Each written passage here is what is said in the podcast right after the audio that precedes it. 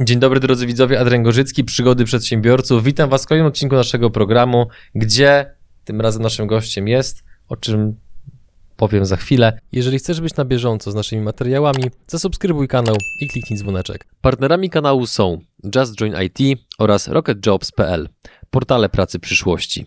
SoFinanse, eksperci w dziedzinie finansów. IBCCS Tax, spółki zagraniczne, ochrona majątku, podatki międzynarodowe. Linki do partnerów znajdziecie w opisie filmu. Drodzy widzowie, zacznijmy od tego, że robimy listę obecności, czyli na start w komentarzu napiszcie, jakiej branży działacie, jaką firmę reprezentujecie, bądź jeżeli nie, prowadzicie żadnego przedsiębiorstwa, to dajcie znać, jaki wykonujecie zawód. A gościem naszego dzisiejszego odcinka jest Dawid Myk. Dzień dobry. Dzień dobry. Kilka informacji na Twój temat. W biznesie 12 lat. E, Działasz w branży budownictwo. To jest budownictwo, czy bardziej architektura, czy jak, jak byś to sklasyfikował? Ciężko to określić. Aktualnie bardzo szeroko. Można powiedzieć, że budownictwo, Mhm. m, głównie projektowanie, ale poza projektowaniem również nadzór nad e, inwestycjami, m, inwestor zastępczy. Mhm. M, Nasza firma również e, ma dział kredytowy. Czyli taką tworzycie grupę firm tak naprawdę. Chyba. Zgadza się. Robimy także wnętrze. Mhm. Kilka milionów obrotu rocznie, 60 r- realizowanych tematów rocznie, 22 osoby na pokładzie z ambicjami na znacznie więcej. A wszystko zaczęło się mniej więcej od tego, że poszedłeś do swojego szefa w poprzedniej firmie i zaproponowałeś mu, żebyście się zamienili miejscami. Dokładnie. I jak zareagował? Uczciwie odpowiedział, że nie. Mhm. Myślę, że to było dobre postawienie sprawy. I w zasadzie kilka dni później rejestrowałem swoją firmę w taki ciekawy sposób, e, że nie posiadając nic. E, Firma w domu, e, biuro projektowe, wykonywanie projektów. Na dzień dzisiejszy nie wyobrażam sobie otworzenia firmy w ten sposób, ale Mhm. wtedy tego nie wiedziałem. Ile macie oddziałów obecnie? Trzy. I jeszcze jedno, co powoduje człowiekiem, żeby pójść do szefa i złożyć mu tak nietypową propozycję? Bo to, to nie było chyba robione w kontekście żartu, tylko ty miałeś intencję, że serio. Tak, Czego nie rozumiesz, Adrian? No, dokładnie. To jest dosyć proste. No. Zawsze chciałem być przedsiębiorcą. Mhm. Pochodzę z rodziny przedsiębiorców. E, Ojciec prowadził działalność e, również w zakresie budownictwa, e, czyli firmę kilkuosobową, wykonawczą. Mhm. Był inżynierem, posiadał odpowiednie uprawnienia, mógł, e, że tak powiem, tą firmę rozwijać. Niestety, no, los się tak potoczył, że przedwcześnie odszedł, co spowodowało, że ja na trzecim roku studiów e, zacząłem się interesować ogólnie przedsiębiorczością. Mhm. E, Zacząłem już wtedy pracować, przygotowywać projekty. mm, W tej jednej, jedynej pracy, którą w życiu miałem na etacie. Jeszcze u nas jest taka specyfika, że my musimy pracować e, przez pewien okres czasu pod inżynierem z uprawnieniami. Mm, To powodowało mną, że musiałem mm, tak naprawdę zatrudnić się na etacie. Gdyby nie to, nie wiem, czy od razu bym nie otworzył firmy. Mm, Natomiast e, w tamtym czasie zrobiłem uprawnienia. Dwa, trzy lata po studiach już miałem pierwszy rodzaj uprawnień. To były uprawnienia wykonawcze. Chwilę później od razu miałem uprawnienia e, projektowe. Mm, I w tej pracy, mm, gdzie byłem zatrudniony, pracowało mi się ogólnie dobrze. E, Firma była duża jak na tamten czas. e, Dziewięciu inżynierów zatrudnionych, co jak na rynek tutaj nasz lokalny, bydgoski, nie jest wcale małą firmą. Mhm. Mm, Natomiast nie wiem dlaczego szef nie był zainteresowany, no już był w odpowiednim wieku. E, nie był zainteresowany tym, żeby rozwijać naszą współpracę. Mm, Zatem ja w pełni swojej niewiedzy ruszyłem na rynek.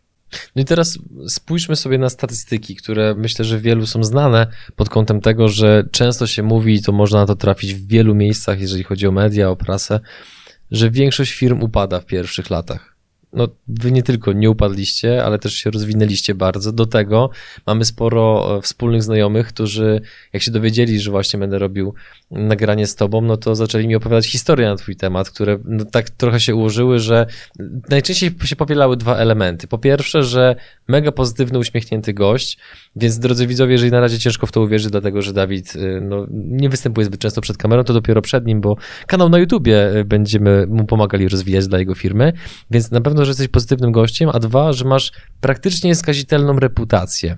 I teraz jak się wypracowuje coś takiego, takie postrzeganie u ludzi? Ja wiem, że to jest pewnego rodzaju komplement, że jesteśmy w Polsce, że to ciężko przyjąć, bo lepiej być nie. skromnym i pokornym.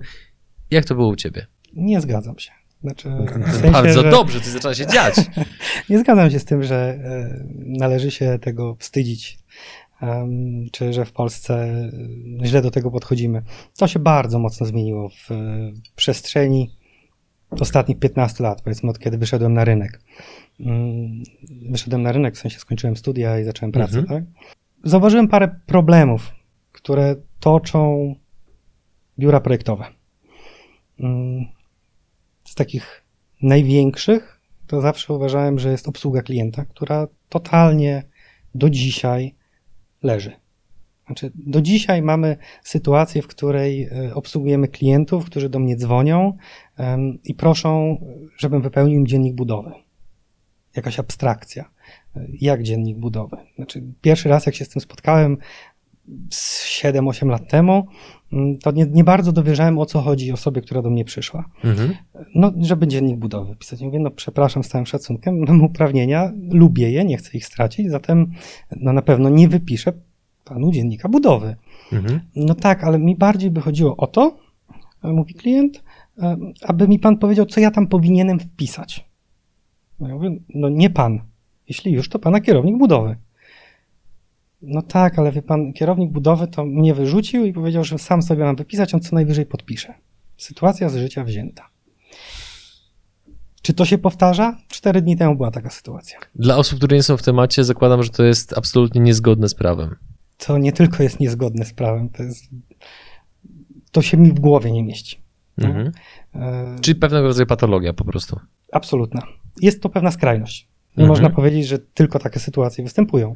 Natomiast tak jest tej skrajności trochę dużo, co pokazuje także, jak jest klient traktowany, gdy jest trochę lepiej traktowany. Również to nie jest, nie chcę powiedzieć na europejskim poziomie, no ale, no ale w mhm. zasadzie do jakichś standardów dążymy. Mm, niejednokrotnie dla klienta, szczególnie indywidualnego, bo w firmach to troszeczkę inaczej wygląda, e, ale dla klienta indywidualnego jest to inwestycja życia. Jedna. Jeżeli to jest inwestycja życia, to wypadałoby, żeby go obsłużyć godnie. Zaproponować mu pewne rozwiązania, podać e, powody, dla których powinien zastosować jakąś technologię e, nowoczesną często, a wcale nie dużo droższą. Takim przykładem są mhm. e, na przykład pompy ciepła powietrzne, które dzisiaj się bardzo dobrze sprawdzają i w naszych projektach to jest większość.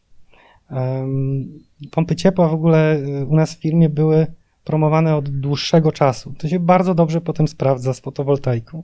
Nie wiemy, co będzie z systemem prawnym za pół roku, ponieważ e, tutaj są pewne zakusy naszego ustawodawcy, by to zmienić.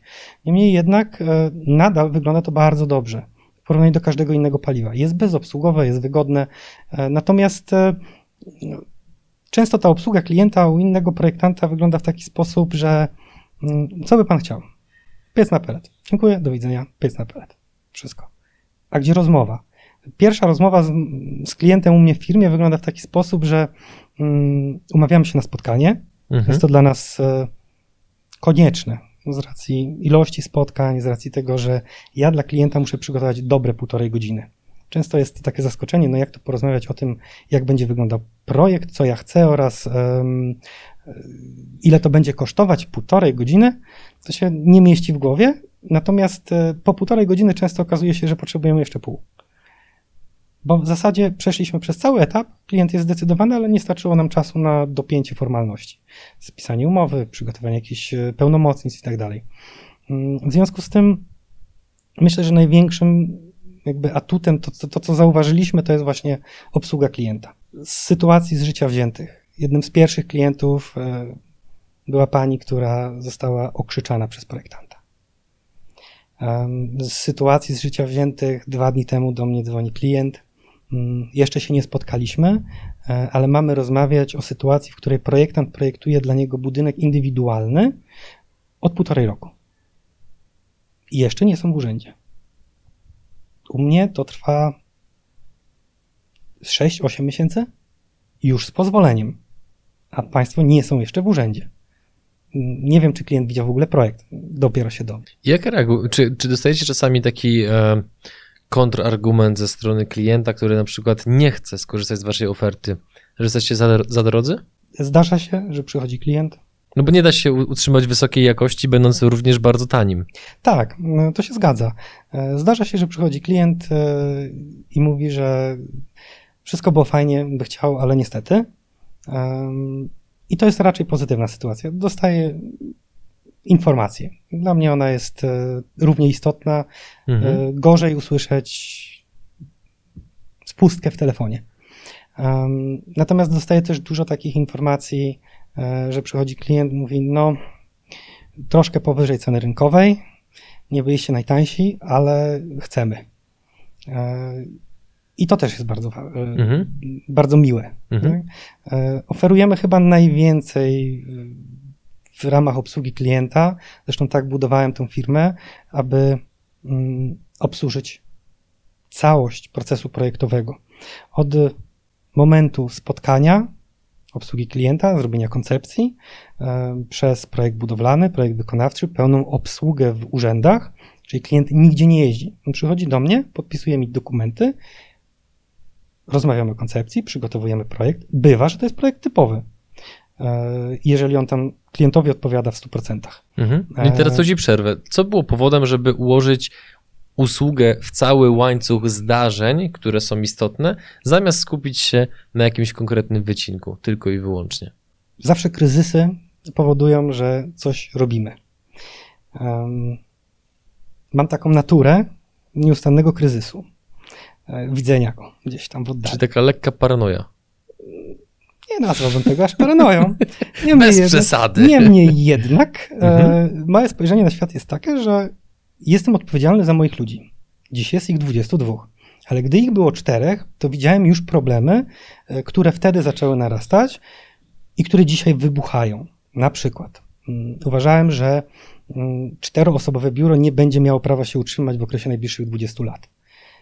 I do tego zaczyna dochodzić. E, w naszym biurze mamy osoby od administracji, od przygotowania wszystkich dokumentów, osoby, które robią koncepcje, czyli najczęściej architekci, e, następnie osoby, które robią projekty, to są inżynierowie bądź architekci, e, następnie są osoby, które składają projekty. Dochodzi do tego, że u mnie w biurze projektowym nie drukuje się wielkich formatów ponieważ nie tylko robimy domki, ale robimy fabryki, robimy budynki wielorodzinne.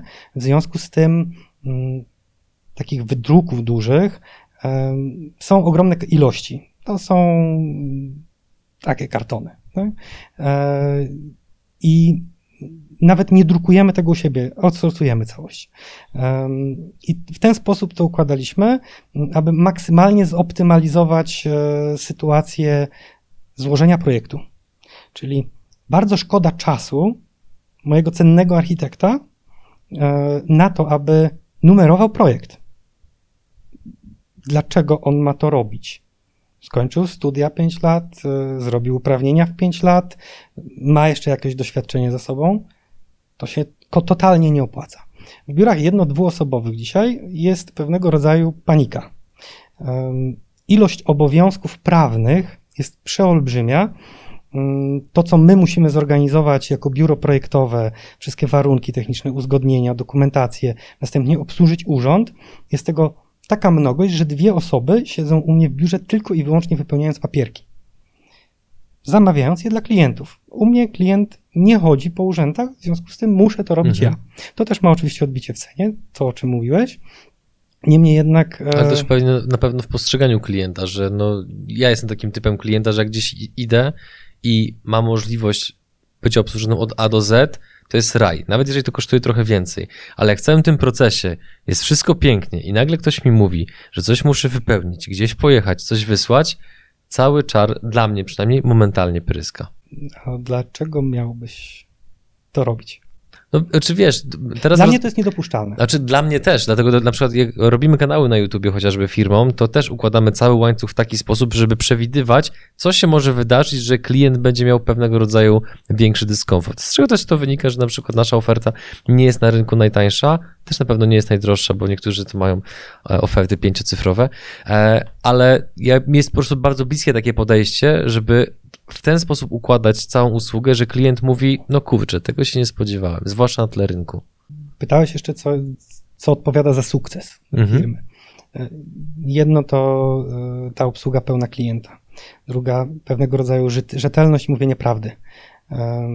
Jest to ogromnym problemem, niestety, w naszej branży. Czyli nie jest to taki truizm i oczywistość, która powinna być wręcz standardem.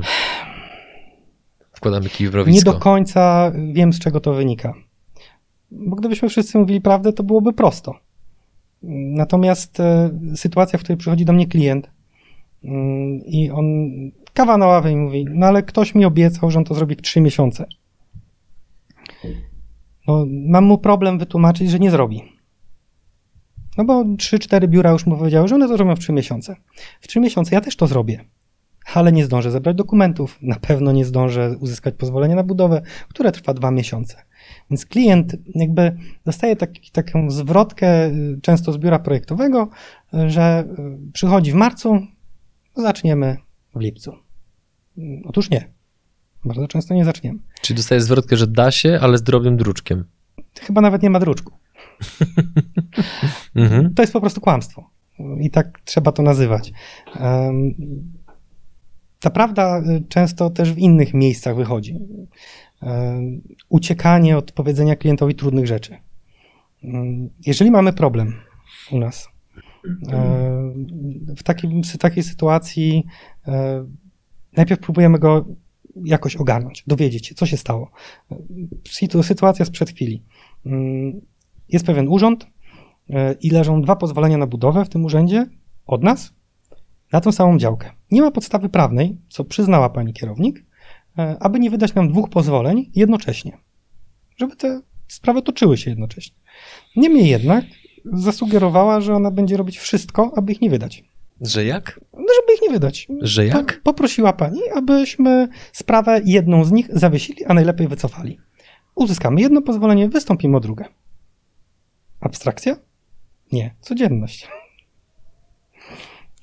Na tak. jednej z naszych rozmów zapytałeś mhm. mnie, dlaczego mnie to bawi. Bo dla mnie to jest codzienność. Naprawdę tak jest. I teraz ja mam do wyboru kilka wersji. Mogę klienta okłamywać, co niestety jest dosyć częste, i nie przyznać się. Ale nie w waszym przypadku. Nie, no w naszym. Znaczy wolę doprecyzować, bo tak. Zaraz opowiem, jak się nasza Jasne. sytuacja skończyła. Znaczy, nie skończyła się jeszcze, ale mhm. jak została wstępnie rozwiązana. Jest problem, e, w związku z tym projektant kombinuje. Jedno zawiesi, nic nie powie, miną trzy tygodnie, klient się nie zorientuje, za trzy tygodnie zapyta, zwalimy na urzędników. No nie, dla mnie to jest niedopuszczalne.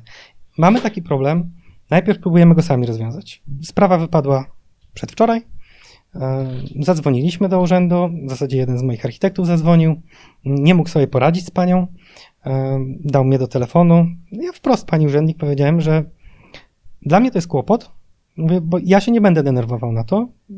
to. To jest dla mnie kłopot, ale tak naprawdę to jest kłopot dla mojego klienta, a ostatecznie kłopot dla urzędnika.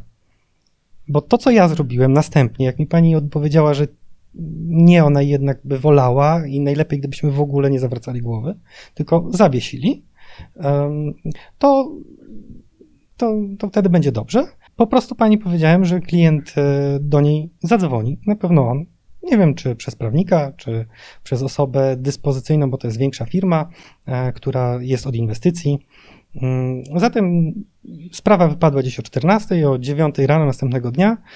Dzwonię do pani od inwestycji i mówię, jak sytuacja wygląda.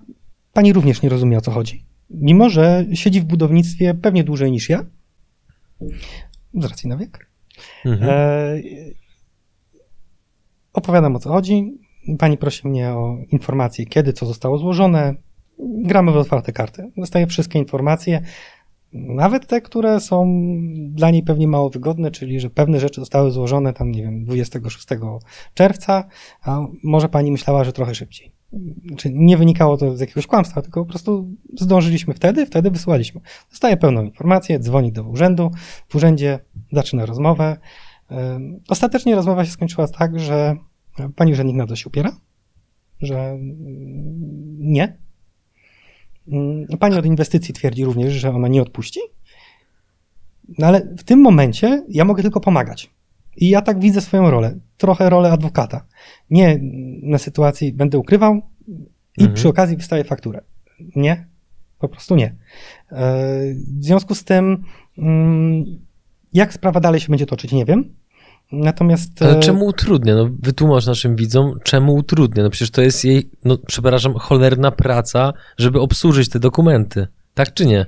Tak. No to w czym jest problem? Śmiało odpowiem? Że, że, że, że zamiast pić kawę będzie musiała popracować? Nie. Myślę, że to akurat nie.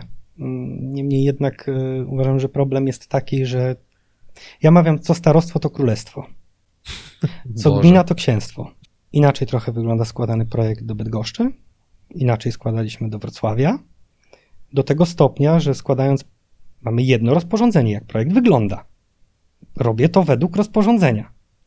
Po czym składam do Bydgoszczy, dostaję pozwolenie, oczywiście po przejściach, to, to zawsze jest, e, ale składam też projekt sobie do Wrocławia. To jest realna sytuacja. Po czym dzwoni do mnie pani urzędnik, zresztą bardzo miła, mm, ja z zasady z nimi nie walczę. No. Mam zawsze dwie możliwości. Mhm. Albo e, będę walczył z głupotą, mm, albo niestety jej dopełnię. Niestety klient zazwyczaj chce, żebym ją dopełnił, e, ponieważ liczy się czas. Więc no nie dyskutuję. Moja rola zadowolić, żeby klient był zadowolony. E, jeżeli klient wychodzi zadowolony, dla mnie jest ok. E, w związku z tym wsiadam w samochód, jadę do Wrocławia, rozpruwam projekt na miejscu na drobny mak Układam od nowa karteczki w odpowiedniej kolejności, jakiej sobie pani życzy. Numeruję od nowa. Składam i dostaję pozwolenie. To samo państwo. Te same projekty. I ci sami urzędnicy. I taka sytuacja ma na celu co? Pokazanie, że po prostu poddałeś się woli urzędnika, czy co jest jej intencją? Bo ja, ja nie mogę... nie poddałem woli urzędnika. Ja spełniłem wolę klienta.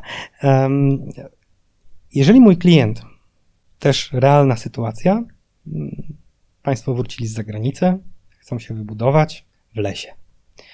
W pewnych warunkach można. Mm, uzyskujemy odrolnienia, a w zasadzie odlesienia, skierujemy projekt do starostwa i nie dostajemy pozwolenia na budowę, dokładnie dostajemy odmowę. Na życzenie trochę klienta. Ponieważ klient nauczony podejściem z zagranicy nie wyobraża sobie, żeby odpuścić. Co ja bardzo pochwalam. Problem był taki, że odrolnienie jako odlesienie odbywa się na takiej zasadzie, że przygotowujemy dokumenty, składamy o odlesienie, dostajemy dokument, że jest odlesione, następnie na mapie, gdzie mamy to odlesienie, rysujemy, gdzie ten teren odlesiony jest, dostajemy pozwolenie na budowę, realne odlesienie bądź odrolnienie następuje podczas wytyczenia budynku przez geodetę. Mhm. Proste. Otóż nie zawsze. Pani urzędnik, a dokładnie nawet kierownik, wymyśliła sobie, że żeby móc tam budować, to najpierw trzeba odlesić. Problem jest zarówno finansowy, jak i czasowy. Ponieważ po zrobieniu mapy do celów projektowych, zrobieniu odlesienia, muszę skierować sprawę do geodety z powrotem, odlesić, zrobić nową mapę do celów projektowych. Pach, 800 zł poszło. Straciłem już dwa miesiące, może trzy, i złożyć ponownie do starostwa całość. Tym razem na szczęście klient podjął decyzję o walce z urzędem. Bardzo dobrze. Życzyłbym sobie, żeby tak każda sprawa się odbywała, ponieważ w takim przypadku tą samowolę urzędniczą byśmy ukrócili. Czyli tej interpretacji. Wszyscy wszystko wszędzie interpretują. E, natomiast no nie tak widzę swoją rolę. Mhm. Znaczy, ostatecznie to klient ma być zadowolony, w związku z tym, jeżeli e, ja mam przygotować nawet jakąś największą głupotę, e, ale ona mi zajmie jeden dzień, a klient chce zacząć budowę, to ja to robię. Mhm. Patrz, punkt pierwszy, obsługa klienta, zadowolony klient, dlaczego firma się rozwija. No i teraz właśnie, idąc dalej, bo w naszym programie staramy się poruszać różnego rodzaju trudne tematy, które potem mają klientom otwierać często oczy, jak, czego w danej branży można oczekiwać i co powinno być standardem, żeby się nie godzić po prostu na przeciętność, czy to pod kątem jakości produktu, usługi, czy też obsługi klienta. Na co klient powinien zwracać uwagę, wybierając firmę podobną do Twojej? Czego ma prawo oczekiwać, co z Twojej perspektywy jest patologią, co jest czerwoną lampką, która się od razu powinna zapalić, jeżeli klient to zauważy. Domyślam się, że być może to nie jest łatwe pytanie, ponieważ trzeba troszeczkę porozmawiać o swojej konkurencji i o tym, co robią i jak robią, więc niektórzy mogą być niezadowoleni, no ale sam powiedziałeś, że dobro klienta jest najważniejsze. Co powinien zrobić klient? Mhm. Na co zwracać uwagę, żeby wybrać dobre biuro architektoniczne? Zadzwonić do mnie. Szanuję bezpośredniość. A jeśli akurat nie ma numeru, to co powinien zrobić? Strona internetowa. Pewnie będzie w linku. A jak nie ma neostrady, to co powinien zrobić? Tak, Dobrze, będzie w opisie filmu. Y, nie będziemy tutaj śmieszkować. Mm, jest bardzo trudne pytanie. Przede wszystkim nie poprzestawać na jednej osobie. Zrobić jakieś rozeznanie. E, trochę zaufać własnej intuicji. Zobaczyć, jak to biuro wygląda zobaczyć, czy osoba, która prowadzi biuro projektowe, ma jakiekolwiek uprawnienia. Bo bardzo często nie ma ich w ogóle. Albo ma nie do tego. Ja nie mówię, że takie biura są złe, bo osoba, która y, nie ma żadnych uprawnień, też może być dobrym menadżerem i prowadzić biuro. Niemniej jednak, jeżeli to jest biuro jednoosobowe, polega na tej osobie lub dwuosobowej i nie ma żadnych uprawnień, ja nie mówię nawet architektonicznych czy konstrukcyjnych, bo ja jestem konstruktorem, E, ale nie ma żadnych uprawnień, to, to ja już bym uciekał. To jest pierwsza rzecz. E, kolejna. Myślę, że ważne jest też, żeby polubić osobę, z którą się rozmawia. Ja sobie to cenię. To też, e, jeżeli mamy taką więź, to łatwiej jest nam rozmawiać, zerknąć na to, bo teraz musielibyśmy się zastanowić, um, o jakim kliencie rozmawiamy. Trochę inaczej to wygląda w biznesowym kliencie, a trochę inaczej w kliencie indywidualnym. Jeżeli mówimy o kliencie indywidualnym, to projektant wręcz powinien dopytywać o wiele rzeczy. To, to, ta rozmowa powinna się toczyć. To klient powinien być w tej rozmowie najważniejszy. Nie tak, że ja umiem projektować tylko stropy żelbetowe, w związku z tym nic innego, tylko żelbet. Tak? Są takie problemy. E,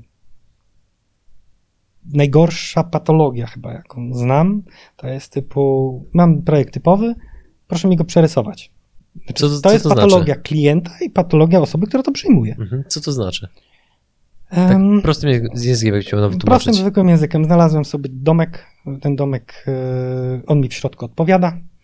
E, przychodzę do architekta, bo żaden architekt tego się nie powinien podjąć, ani projektant. E, proszę mi to przerysować jeden do jeden, a potem dobrać jakąś konstrukcję, elektrykę, cokolwiek. To jest, a jak usłyszymy to od strony projektanta, to to już jest w ogóle tragedia. Dlaczego? To znaczy, że osoba po drugiej stronie klienta e, nie ma nic do zaoferowania. Mhm. Do mnie przychodzi klient i ja z tym klientem rozmawiam o takich rzeczach, o których wielu ludziom się nawet nie marzy zapytać. Typu? Mnie interesuje, jak, jak on żyje nawet, tak?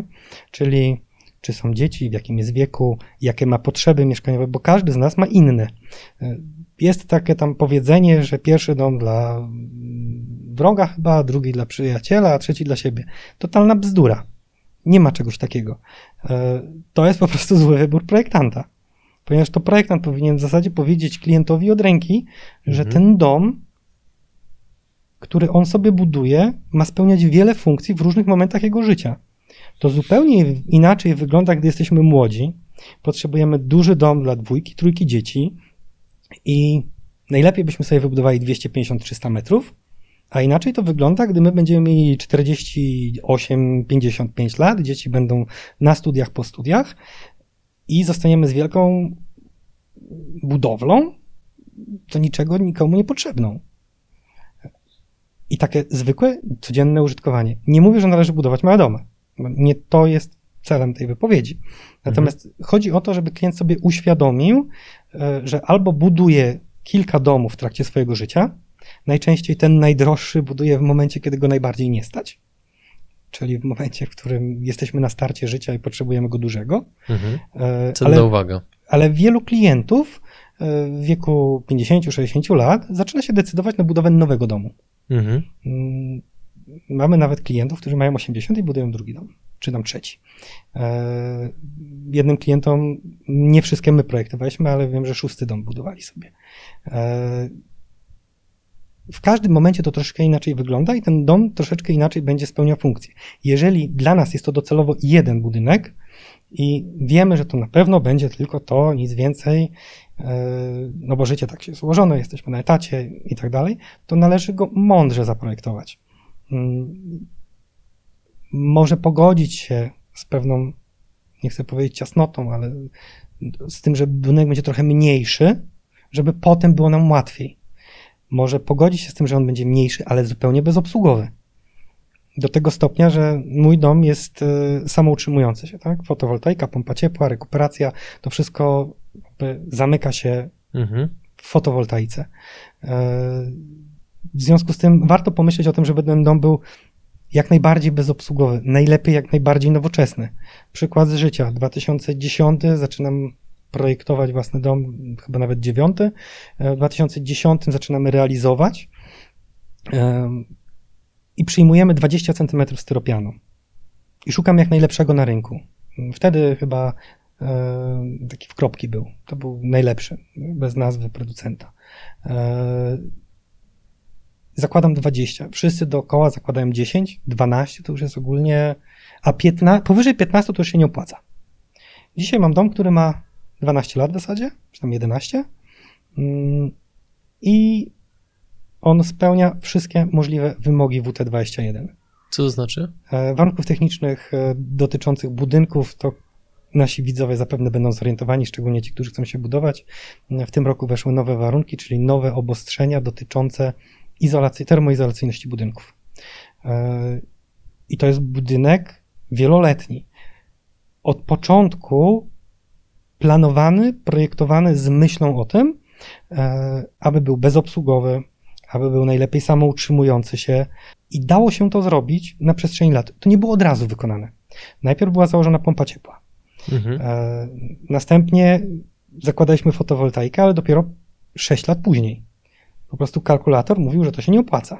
Gdy stopa zwrotu wynosiła 5 do 6 lat, no zdecydowałem się na założenie fotowoltaiki, ponieważ to się opłacało, ale dom już był przystosowany na to. Mhm. Źródłem ciepła e, była pompa, która jest niskotemperaturowa, więc wszystko było na podłogówce. W 2010 nie do pomyślenia. E, już dzisiaj stosujemy wiele takich e, zabiegów, no tak powiem, do przodu i nasze projekty, nawet jak patrzę na projekty sprzed dwóch, trzech lat, to one już technologicznie się różnią od tych, które są dziś przez nas projektowane. Mhm. Różnią się oczywiście też architektonicznie, ponieważ architektura również się rozwija. Są nowe materiały, nowe pomysły. E, ostatnio bardzo modnym pomysłem e, u nas w firmie i myślę, że niewielu jest projektantów, którzy w ten sposób projektuje. E, to jest wejście do domu na hol, a przed nami ogromna szyba prosto na ogród. I cały rok jestem w ogrodzie. Mhm. Co ciekawe, to może być niedrogie rozwiązanie tylko musi być umiejętnie zaprojektowane. Mhm. I to też pewnie będzie jeden z, jedna z przyczyn y, rozwoju firmy. Jestem konstruktorem, jak mówiłem. E, w związku z tym dla mnie też się liczy, aby klient otrzymał możliwie tani dom w budowie.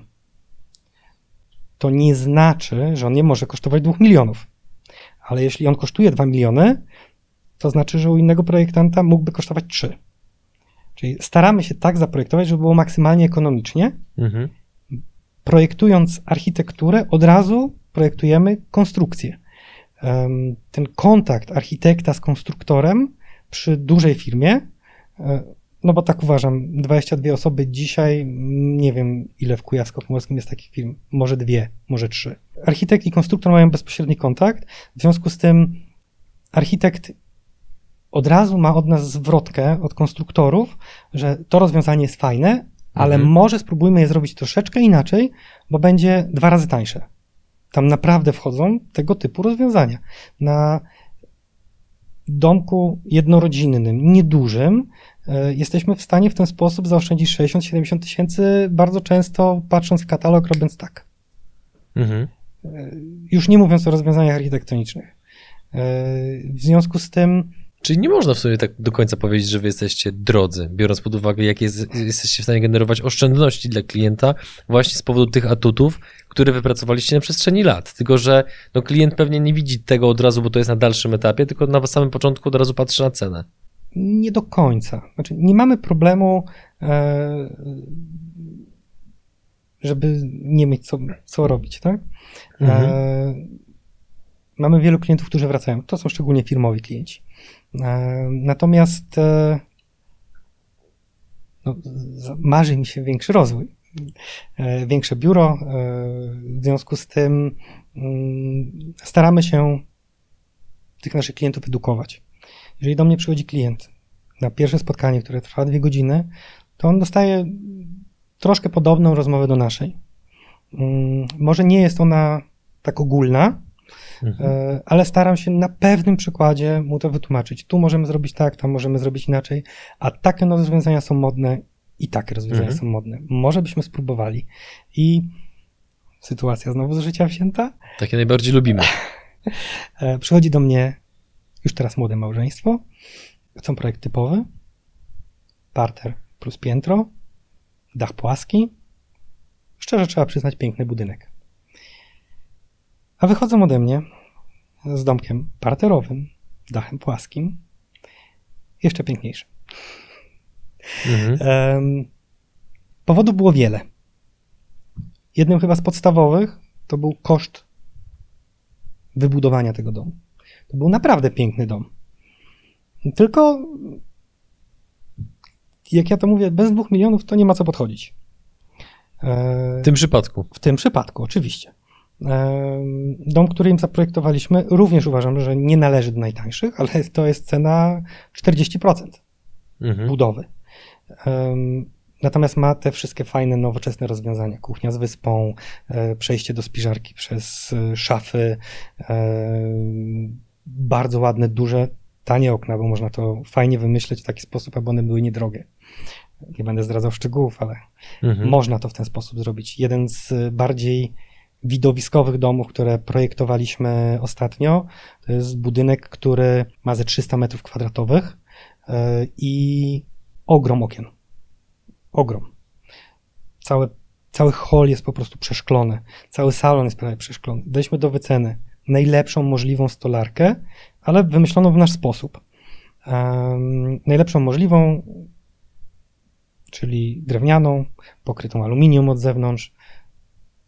Drogo. Bardzo drogo. Ale tylko 92 tysiące.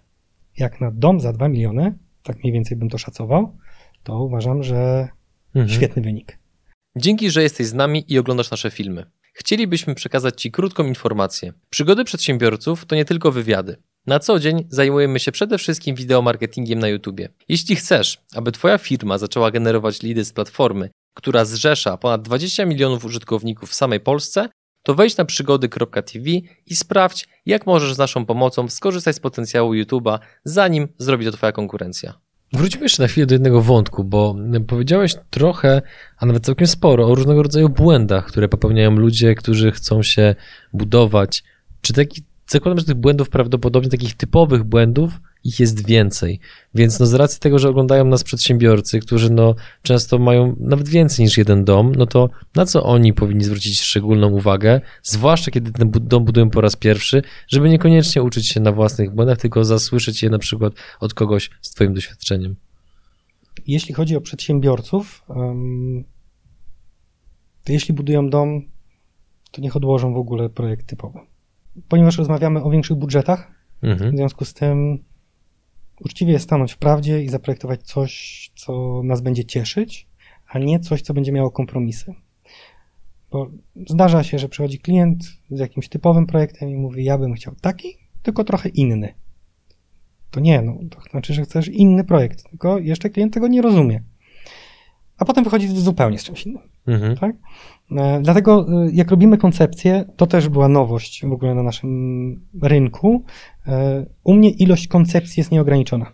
Jak przychodzi do nas klient, to ja zawsze mówię, że ma tak długo się zastanawiać, aż będzie pewny, że nie będzie chciał robić zmian na budowie. W związku z tym różnie bywa. Często kończy się na trzeciej koncepcji, ale robiliśmy takie budynki, które miały 10 koncepcji. I to- bywało tak, że to, klient... czas, ale to kosztuje więcej wtedy, żeby... Nie, cena jest jedna globalna ryczałtowa. Okej. Natomiast jeżeli ten sam przedsiębiorca buduje sobie halę, no to tutaj jest duże pole do popisu. Eee, Z takich e, sytuacji życiowych robimy także optymalizację konstrukcji.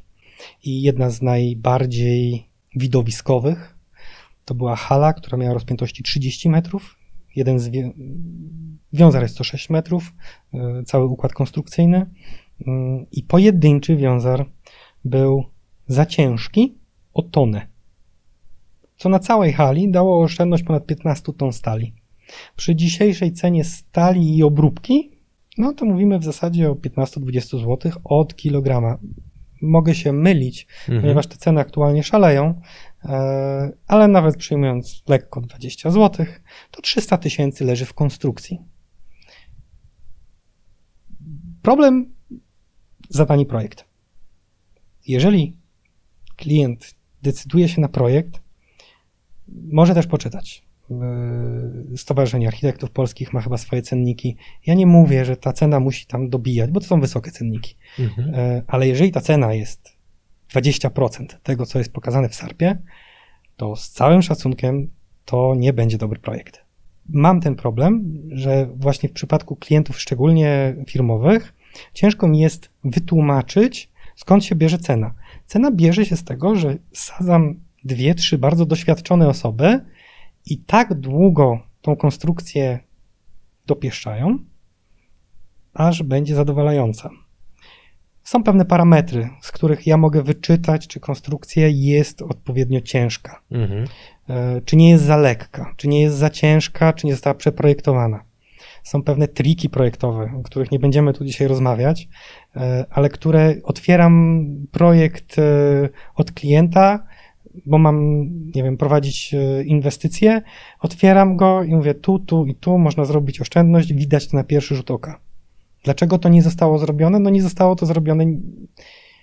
Może było za tanio i ktoś nie miał czasu, nie chciał tego robić, a może nie miał doświadczenia. Tego nie wiem. Drugie jest bardziej niebezpieczne, Mhm. e, bo może się jeszcze okazać, że konstrukcja o tonę za ciężka się przewróci. Jak często dostrzegać takie oszczędności w projektach, które pokazują wam Często. klienci? To tak w procentach gdybyś miał określić, to ile to jest? 30%, 70%, 90%, 5%? Zoptymalizować da się wszystko, Mhm. nie zawsze warto. I niektóre rzeczy z tego wynikają. E, Dobre 70% To jest dużo. to jest bardzo dużo.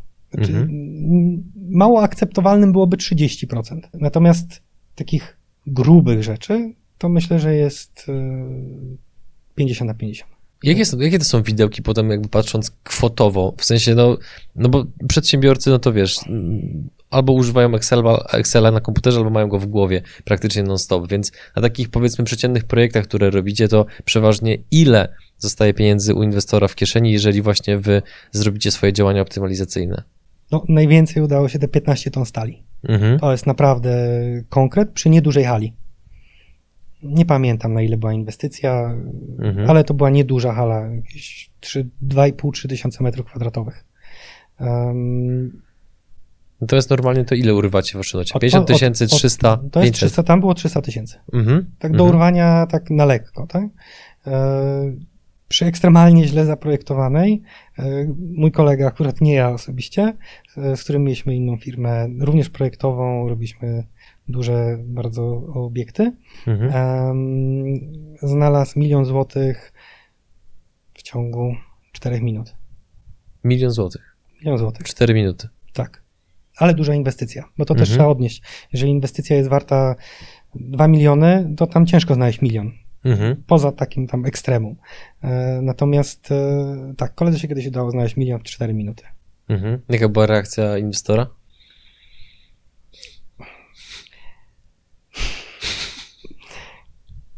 Aż tak? Inwestorzy bywają bardzo zaskoczeni, natomiast nie jest to nasza codzienność. My tego nie robimy na co dzień. To są raczej sytuacje, w których gdzieś pojawiły się grube błędy. Mhm. Też mieliśmy taką. E, Budujemy budynek, e, mogę powiedzieć po skórnika. Kilka sztuk.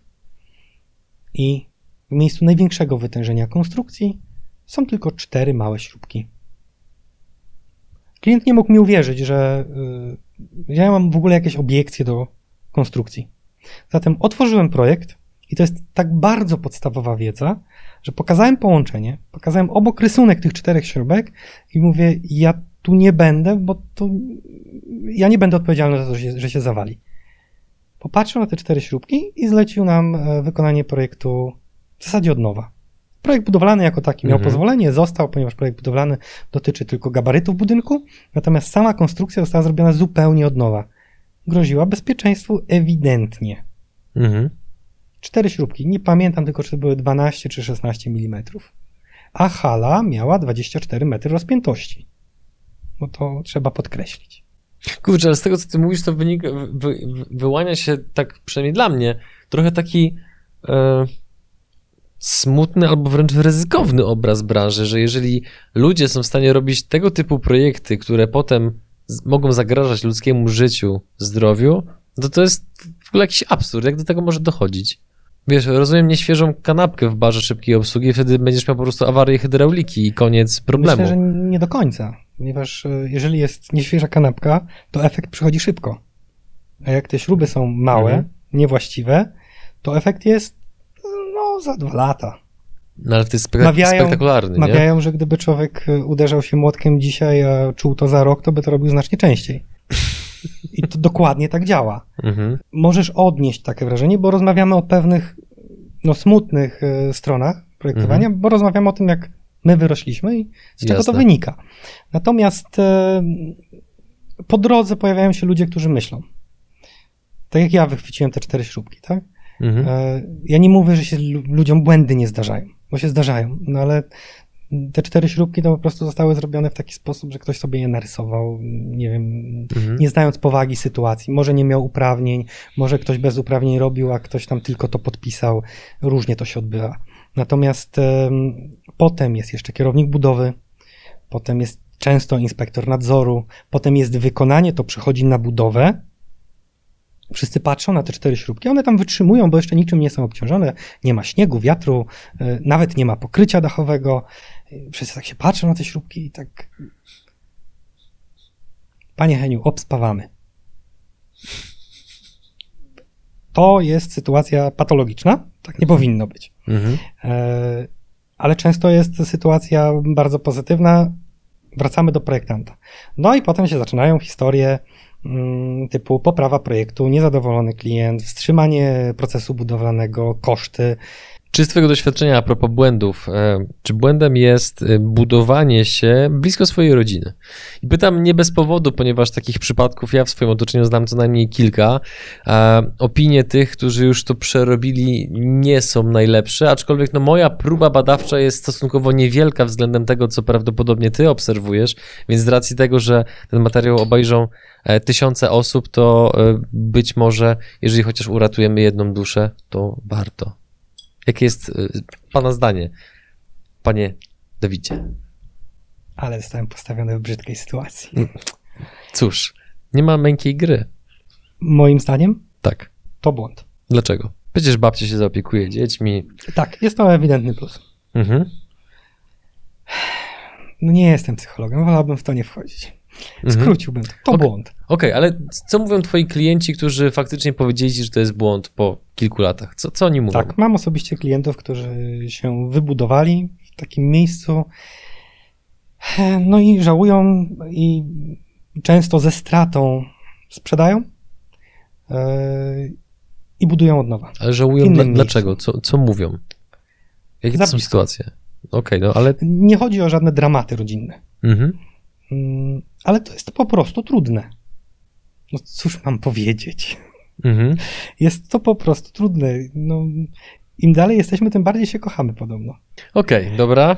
E, Nie drążę w takim razie. Ja nie mówię, że mamy się wyprowadzać na drugi koniec kraju, Mhm. ale mieszkanie 100, 200, 300 metrów może powodować problemy. Dobrze, gdy ta odległość jest nieduża, ale nie 100 metrów. Kilka kilometrów. Tam jest przykład. jeszcze jak jeden problem, bo bardzo często jest to działka od kogoś, e, darowizna i często ona nie jest w dobrej lokalizacji. Co mam na myśli dobrą lokalizację, no to ciężko byłoby tutaj opowiedzieć, ale takiej lokalizacji, która będzie sprzedawalna. Moje zdanie na temat e, budowy niedaleko jest takie, e, także ponieważ ja podchodzę do budowy domu jak do inwestycji. Często dla klienta indywidualnego jest to ta największa inwestycja, którą poczyni, którą po iluś latach spłaci, będzie jego, jego zabezpieczeniem, więc dobrze by było, gdyby to ten budynek nie stał pokrótce daleko od szosy. Gdzieś w jakiejś małej miejscowości, ale takiej ultra małej, jeszcze najlepiej na wspólnej działce, gdzie on nigdy nie będzie sprzedawalny. To jest jeden z największych błędów. Zdarza się, że budujemy, że remontujemy gospodarczy, bo również robimy takie projekty. Są malutkie projekty, ale przygotowujemy nieraz takie rzeczy. Przygotowujemy gospodarczy na tej samej działce jako docelowy drugi dom. Na tej samej działce. Zawsze tego odradzam.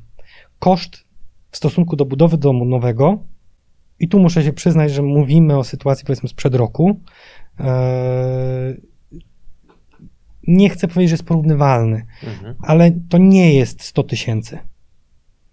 Mówimy w zasadzie o 70-80% budowy nowego domu, bo często on jest przebudowany, często on jest w złym stanie, trzeba do niego podejść jakby zupełnie od nowa, przystosować go, zrobić przekucia, ocieplić, zaizolować, wiele innych rzeczy.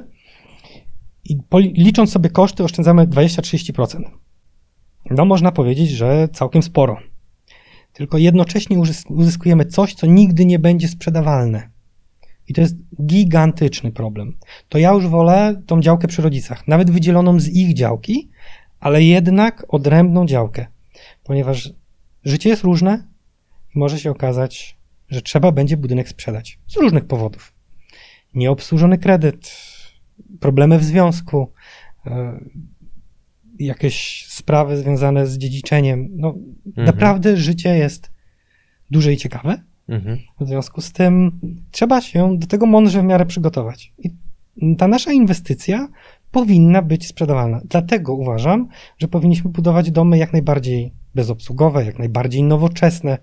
Niekoniecznie chodzi o to, żeby wydać na tą nowoczesność miliony, ale w ramach naszej, e, naszych, nie wiem, 500 tysięcy, które mamy do wydania, on by miał wiele miejsc, gdzie oszczędzamy i te pieniądze, które oszczędziliśmy, wrzucimy sobie 50% w jakieś instalacje, w coś, co nam pomoże w przyszłym ewentualnym jego sprzedaniu. To jest to, co mówiłem o własnym domu, tak? Mhm. Ja dzisiaj śmiem być pewnym, że nie będę miał najmniejszych problemów ze sprzedażą, bo tam się wchodzi, robi enter i wszystko działa. Tak? E, samo. Nie idę do pieca na ekogroszek, który był w tamtych czasach modny. To powoduje, że też nie jestem zwolennikiem tej, tej bliskiej, bliskiego postawienia domu jednego obok drugiego, pomijając już relacje. E, Natomiast e, wybudowanie go na tej samej działce w zasadzie powoduje, że mamy tylko koszty, a nigdy nie będziemy mieli zysków. Ciężko, bo potem na działce 20 metrów szerokości, wydzielić 4 metry drogi, z tyłu budynek, jeszcze zmieścić dwa ogródki, a działka ma 1200. To jest Mhm. abstrakcja. I potem jeszcze sprzedać dobrze ten budynek z tyłu. Życzę powodzenia. No, w centrum Bydgoszczy pewnie jest to możliwe. W centrum Warszawy na pewno jest to możliwe, ale w centrum jakiejś małej gminy, no na pewno nie. I zdecydowanie odradzam. Jakbyś skomentował w takim razie, bo to jest taki gorący temat ostatnich tygodni, o czym też zresztą chwilę rozmawialiśmy przed nagraniem, ceny materiałów budowlanych. Jak do tego w ogóle podejść, jeżeli się budujemy, no a budowa domu nie trwa dwa tygodnie, tylko trwa troszeczkę dłużej. A biorąc pod uwagę, jak zmieniają się ceny styropianu, drewna, stali, e, szkła, no to, to, to jest w ogóle jakiś kosmos. Jak ty na to się zap- zapatrujesz, będąc de facto bardzo blisko tego środka cyklonu? Mamy gro klientów, którzy przygotowują się na spadek ceny. przygotowują dzisiaj sobie projekty, mają świadomość, że proces projektowania trwa 8, 10, 12 miesięcy, w ekstremum 18. Mm, to jest przypadek sprzed trzech dni. Przyszedł do mnie klient, który jest nigdzie w dokumentach, e, który nie ma decyzji o warunkach zabudowy, a jeszcze chce działkę podzielić. W okresie covidowym dostał ode mnie odpowiedź 18 miesięcy. Jestem ciekawy, czy któryś projektant w okolicach by był w stanie to powiedzieć. E, w związku z tym jest wielu klientów, którzy się przygotowuje na to, że ta cena spadnie. Tego uczy nas doświadczenie. Że cena materiałów spadnie. Tak. Tego nie wzrośnie. Nas, tak. Okej. Okay. Mhm. W okresie dłuższym czasu. Mhm. Tego uczy nas doświadczenie. Rok 2005, bloczek gazobetonowy, nie pamiętam, około 5 zł. 2007-8, to już pamiętam bardzo dokładnie, 17,50. Przychodzili do mnie klienci, mieli szkic własnego domu na własnej kartce i pytali, ile mają kupić bloczków. Wtedy sytuacja była prostsza niż dzisiaj, e, więc odpowiadałem zero. Następnie klienci mnie zmuszali do tego, żebym im podał ilość. Podawaliśmy szacunkową ilość, klienci to kupowali, kilkukrotnie odradzałem e, i zaczynali budowę za rok. Sytuacja wyglądała w taki sposób, że spotykaliśmy się za rok na budowie. Klient pokazuje mi piękny jeden skład bloczków, czyli jednego tira, 1200 e, sztuk około. I mówi, że no na, tym, na tej kupce materiału to on jest 15 tysięcy w plecy. Ponieważ cena materiału budowlanego w tamtym czasie, między 2007 a 2010, w zasadzie 8 a 10, e, spadła z 17,5 do 7. To dobrze pamiętam, że 7,20, ponieważ ja kupowałem na własny dom. Ale mogę powiedzieć więcej, 2012-13 e, cena tego samego bloczka spadła do 5 chyba 20 w ekstremum. Taka mhm. jest różnica. Tego nas uczy doświadczenie. I wielu klientów się na to przygotowuje. E, jest też część klientów, mm, zazwyczaj e, większych, typu deweloperzy, typu klienci firmowi, mm, którzy podchodzą do tego bardziej brutalnie. Dziś kupujemy, dziś sprzedajemy. W związku z tym zmiana ceny mniej ich boli. Najwyżej budują za swoje i w pewnym momencie, jak już są gotowi do sprzedaży, sprzedają po cenie, jak ich wyszło. Plus oczywiście marża. E, takich klientów też jest dosyć sporo. E, sytuacja jest inna niż w 2007 z racji COVID-u, z racji sytuacji związanej z lockdownami. Mhm. E, I to jest problem, bo nie wiemy, jak to się dalej będzie odbywać. Jeżeli będziemy dalej drukować, to mam pewne obawy, że cena może nie urośnie, ale może nie spaść. Sprawa jest dosyć prosta. Jeżeli klient mnie pyta, e, dlaczego drewno wzrosło 250%, aktualnie na, na rynkach międzynarodowych ono chyba 60% spadło, ale w pewnym ekstremum było 250% i pyta mnie, dlaczego tak się dzieje i dlaczego opłaca się z Australii ściągać drewno. No to odpowiedź jest bardzo prosta, ponieważ nie da się zdalnie wycinać lasów, robić desek, robić kantówki i wysyłać tego na budowę. Do tego jest potrzebny człowiek, który tam przychodzi. No i tak to wygląda. Jednocześnie mamy duży popyt, ponieważ ludzie, nawet jeśli nie pracują albo pracują zdalnie, czyli w zasadzie mm, pracują z domu, e, to mają pieniądze i chcą je wydawać, budować, wszystko rośnie, napędza się sytuacja, w której klienci mówią kupmy teraz, bo rośnie. No i zaczyna być sytuacja 2007, kup, mhm. kupowanie bloczka po 17,50. Co będzie dalej? Nie do końca wiemy. Ale ty raczej jesteś optymistą, jeżeli chodzi przynajmniej o cenę materiałów budowlanych. Ja zawsze to rozumiem. optymistą. Wydaje mi się, że e, cena materiałów co najmniej powinna się ustabilizować. Bardzo prawdopodobne, że spadnie. Ale nie mówimy tu o okresie czasu dwóch, trzech miesięcy. O tym myślę, że możemy całkowicie zapomnieć. Jeżeli wprowadzony zostanie czwarty lockdown i będzie on twardy, e, że do lasów nie będzie można wejść, no to cena materiału budowlanego o nazwie drewno poszybuje. Mimo ostatnich spadków, ona na pewno poszybuje w górę. Mm, w okresie półtorej roku, roku jestem umiarkowanym optymistą. E, w okresie dwóch, trzech lat uważam, że spadnie.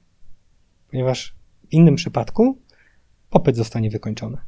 Dotarliśmy e, do końca naszej rozmowy, bo już tutaj jest, widzę na e, liczniku, przekroczyliśmy godzinkę, więc czy jest jeszcze jakiś wątek, który chciałbyś poruszyć, albo coś, z czym chciałbyś naszych widzów zostawić? Nie dokończyliśmy jednego wątku dotyczącego mojego podejścia do kryzysu. Mhm. Otóż firma w ten sposób się rozrastała, ponieważ gdzieś po drodze czułem się odpowiedzialny za moich ludzi. Nie wyobrażałem sobie, w zasadzie nigdy chyba nie zwolniłem człowieka z mojej, że tak powiem, inicjatywy. Jak już przyjmuję, to staram się przyjmować na dłużej. W związku z tym staram się, aby zapewnić tym ludziom ciągłą pracę. A jeśli pracę, to muszę być odporny na kryzysy.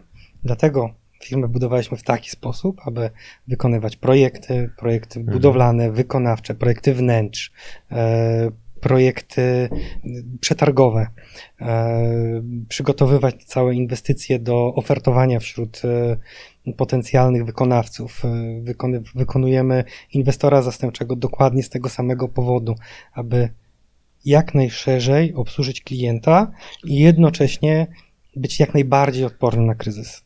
To jest jakby podstawa, dlaczego ta firma urosła. Ta firma rosła także w, z tego powodu, um, że widziałem te problemy związane z biurokracją. Dzisiaj już przejmujemy firmy, czy też przyjmujemy do pracy osoby, które prowadziły własne firmy, biura, biura projektowe, ponieważ praca projektanta, który jest sam lub we dwójkę z kimś, wygląda w taki sposób, że rano dzwoni do jednego urzędu, potem jedzie do drugiego urzędu, do trzeciego pisze uzgodnienie, jest godzina 15, w zasadzie trzeba dzieci odbierać z przedszkola, a projektowanie zaczyna się o 23. I to nie jest zdrowe. Taki był pomysł. Mhm. Już, żeby dokończyć tam. Okej, okay, to tutaj stawiamy kropkę, e, albo przecinek, bo kto wie, pewnie jeszcze ciąg dalszy nastąpi. Jak będą pytania?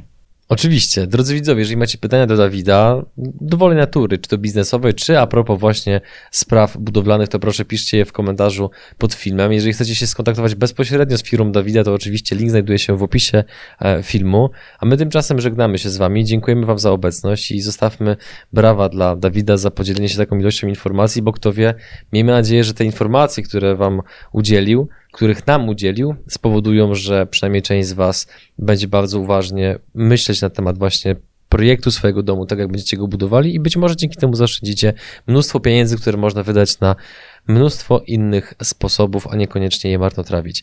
E, Dawid, kłaniam się nisko i bardzo dziękuję za rozmowę. Dziękuję.